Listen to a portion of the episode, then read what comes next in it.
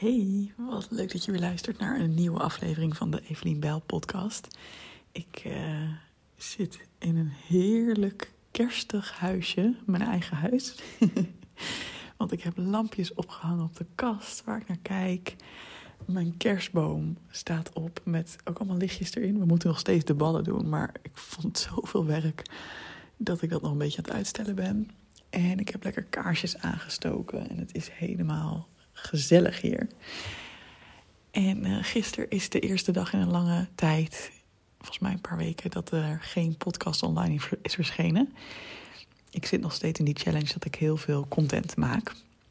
100 stuks in 30 dagen om precies te zijn. Um, en ik had elke keer een beetje vooruit podcast opgenomen, maar nu even niet. En ik dacht, nou, ik vind het eigenlijk ook wel lekker. Even een, uh, een dagje wat minder. Dus ik heb gisteren alleen Instagram stories gemaakt over hoe mijn ouders hier kwamen. Eerst over dat ik de Action helemaal leeg heb gekocht. en dat, dat ik dan toch weer de helft in mijn mandje terug, uit mijn mandje terugleg. Omdat ik denk, nou, heb ik dit nou echt nodig? En nog over mijn ouders die langskwamen. Dus uh, nou, helemaal prima. Ik loop toch lekker voor. Ik uh, verdien ook wel een dagje rust, dacht ik zo. Ja, toch?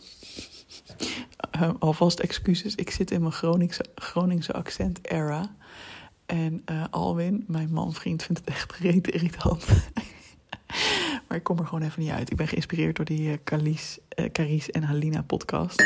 Waarin Halina de hele tijd met zo'n Gronings accent praat. En ik vind het zo grappig. Maar waar ik het vandaag over wilde hebben is um, iets anders. En dat is namelijk in hoeverre bedank jij wel eens mensen die content maken voor jou, gratis. Um, en ik ben hierop gekomen eigenlijk niet door mezelf, door mijn eigen ervaring. Want ik moet zeggen dat ik eigenlijk wel hele leuke reacties krijg. En dat ik daar, ik voel daar niet een soort ontevredenheid over op dit moment. Um, misschien ooit wel hoor, zou best kunnen. Maar um, ja, ik kom er eigenlijk op omdat ik een hele leuke vlog zat te kijken van iemand. En dat haar man daarin vroeg van... hey, bedanken er eigenlijk wel eens mensen voor het feit dat jij dagelijks of soms wekelijks... een hele leuke video voor ze maakt, gratis. En toen zei ze, nee, nee, maar goed, ze hoeven ook niet te bedanken, toch? Dat hij zoiets had van, nou ja, het is best wel leuk, toch, voor ze. En uh, dat was blijkbaar een tijdje geleden gebeurd. En nu uh, in de vlog gaf zij aan dat sinds hij dat gezegd had, dat er elke keer wel mensen waren die onder de vlog zeiden: Dankjewel voor deze leuke video. uh, en dat, dat dat er toch wel heel goed deed. Dus in eerste instantie had ze zoiets van: Ja, dit is ook gewoon mijn werk en uh, prima. Maar ja, het is toch wel heel erg leuk ook om voor je werk bedankt te worden. En ik heb ook gewoon vaker wel van mensen um, die een wat groter bereik hebben, dit, dit soort dingen gehoord. Van uh, bijvoorbeeld Bowie Redman heb ik het ook vaker over gehad. Die heeft ook wel eens een uh, heel grappig filmpje gemaakt. Waarin ze dan uh, iets staat te koken. En dat ze dan zegt zoiets van. Als mensen zich in het echte leven zo zouden gedragen als online.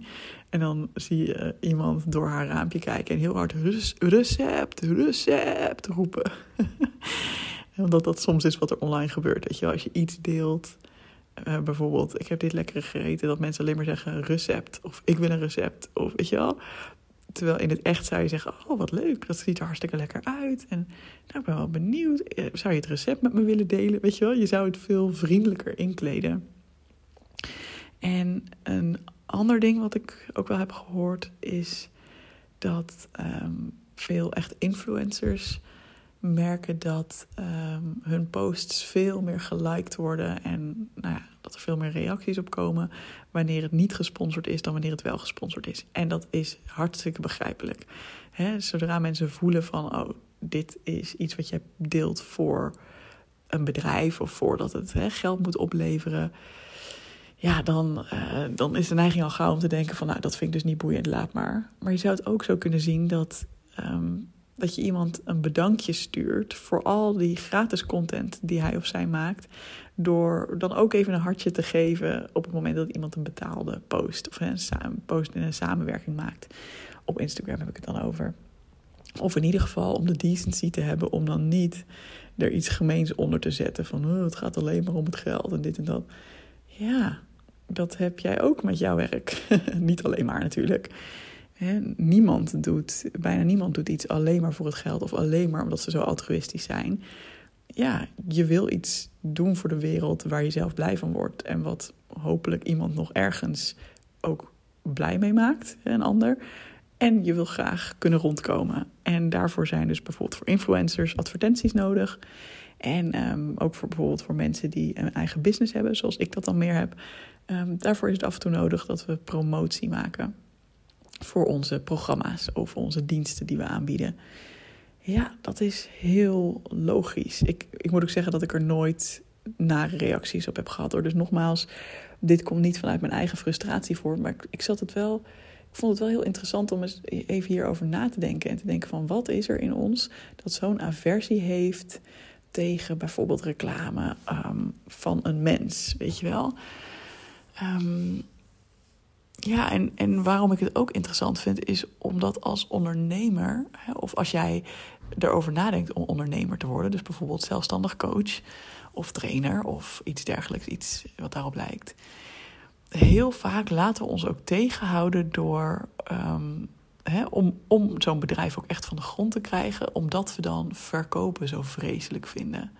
En omdat we dan zo'n beeld hebben bij, en dan moet ik mezelf verkopen. En nou, alsof dat het laagste is bij de grond wat er is. Ik denk dat we dat in Nederland ook wel nog iets sterker hebben dan bijvoorbeeld in Amerika, waar dat gewoon veel normaler is, denk ik. Um, ja, wij houden denk ik heel erg van echtheid.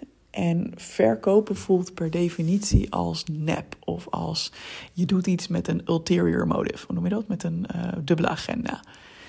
En dat snap ik heel goed. Um, sterker nog, toen ik net begon met werken, um, was ik aangenomen voor een management traineeship bij de Nederlandse Spoorwegen. En uh, toen kon ik kiezen uit twee functies. Dat was heel luxe. Um, ik had een heel assessment gehad. Dat was echt uh, best wel pittig. En er waren twee um, directeuren die mij wel uh, interessant vonden. En de ene was een directeur van opleidingscentrum. En de ander was een directeur van uh, ja, commerciële partij. Die zeg maar de winkeltjes exploiteert op het station. Dus de kiosk en de Albert Heijn en dat soort dingen. Dus ik kon kiezen waar ik heen wilde. Nou, ik, ik hoefde nog geen seconde na te denken. Ik dacht, nee, commercieel, nee, dat is niks voor mij. Ik ga lekker naar dat opleidingscentrum. En dat is helemaal niet, niet raar of verkeerd verder.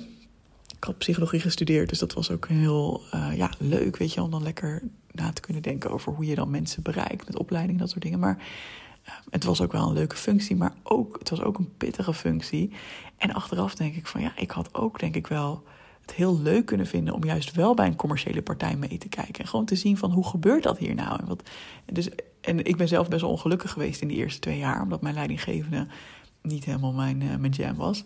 En ik hoorde van mensen die bij die andere partij aan de slag waren gegaan, dat het eigenlijk heel leuk was daar. Dus weet je, achteraf kun je nooit zeggen wat een goede of een foute keuze is. Want je leert ook weer van de moeilijke dingen. Dus nee, daar gaat het nu even niet om. Maar om maar even aan te geven hoe ontzettend negatief ik over het woord commercie dacht. En inmiddels denk ik daar heel anders over. En heb ik echt zo'n gevoel van, ja, je kunt dat ook op een hele fijne manier aanpakken, denk ik. Als je gewoon een product of een dienst verkoopt waar je echt achter staat. Waarvan je echt denkt van ja, dit moeten mensen gewoon volgen. Hier moeten mensen echt aan meedoen. Uh, of dit, dit hebben mensen in hun leven nodig.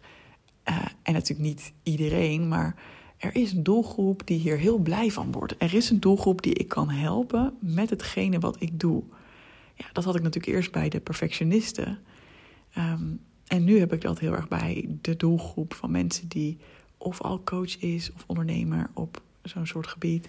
Of die daar een verlangen voelen ook om andere mensen te helpen. Om ze te empoweren. Klinkt altijd een beetje stom, hè? Um, om die boodschap uit te durven dragen. En om, uh, om maar niet in die schulp te blijven zitten van... ja, maar kan ik dat wel? En ja, is dit dan wel mijn... Mag ik dit wel doen? En is dat dan niet te commercieel als ik dan ook nog geld ervoor ga vragen? Nee, dit is nodig. Want ook bijvoorbeeld de influencers die je het langst het ziet volhouden, dat zijn ook mensen die gewoon een gezonde financiële basis hebben. En ja, dat zijn dus ook mensen die reclame maken. Dus het is nodig. En dat geldt net zo natuurlijk voor coaches en voor mensen met een eigen andere onderneming of een eigen praktijk. Weet je, daar is geld nodig om dat draaiende te kunnen houden. Uh, en om voor diegene te overleven, waardoor het ook mogelijk is om heel veel leuke gratis content bijvoorbeeld te blijven maken. Weet je wel?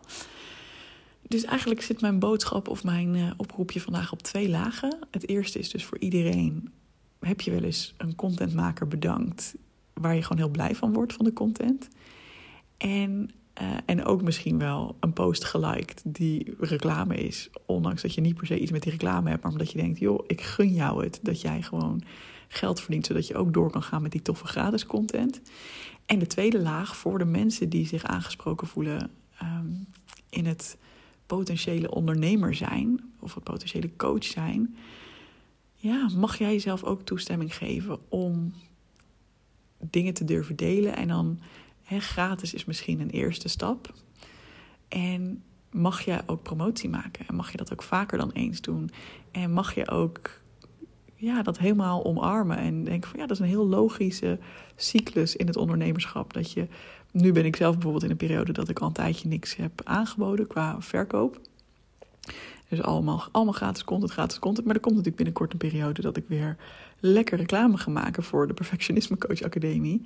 Ja, en ik vind dat zelf helemaal goed. Ik vind dat helemaal oké. En ik zie het ook echt als ja, wie zich uitgenodigd voelt, die komt er lekker bij. En als het niet voor jou is of niet voor dit moment voor jou, nou helemaal goed. Dan, uh, dan heb ik daarna weer leuke gratis content om je misschien daarmee te, te inspireren of te vermaken, weet je wel. Nou, ik ben benieuwd of dit iets in je losmaakt. En ik zou het heel leuk vinden om dat van je te horen. Dus um, dat mag altijd op Instagram. Daar ben ik Evelien underscore bijl.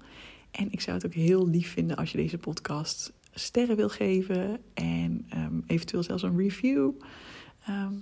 Hè, met wat je ervan vindt. En als je iemand kent waarvan je denkt... oeh, die kan deze boodschap ook wel gebruiken dan zou ik het ook heel leuk vinden als je deze aflevering of een andere met diegene deelt. Dank je wel alvast en tot de volgende.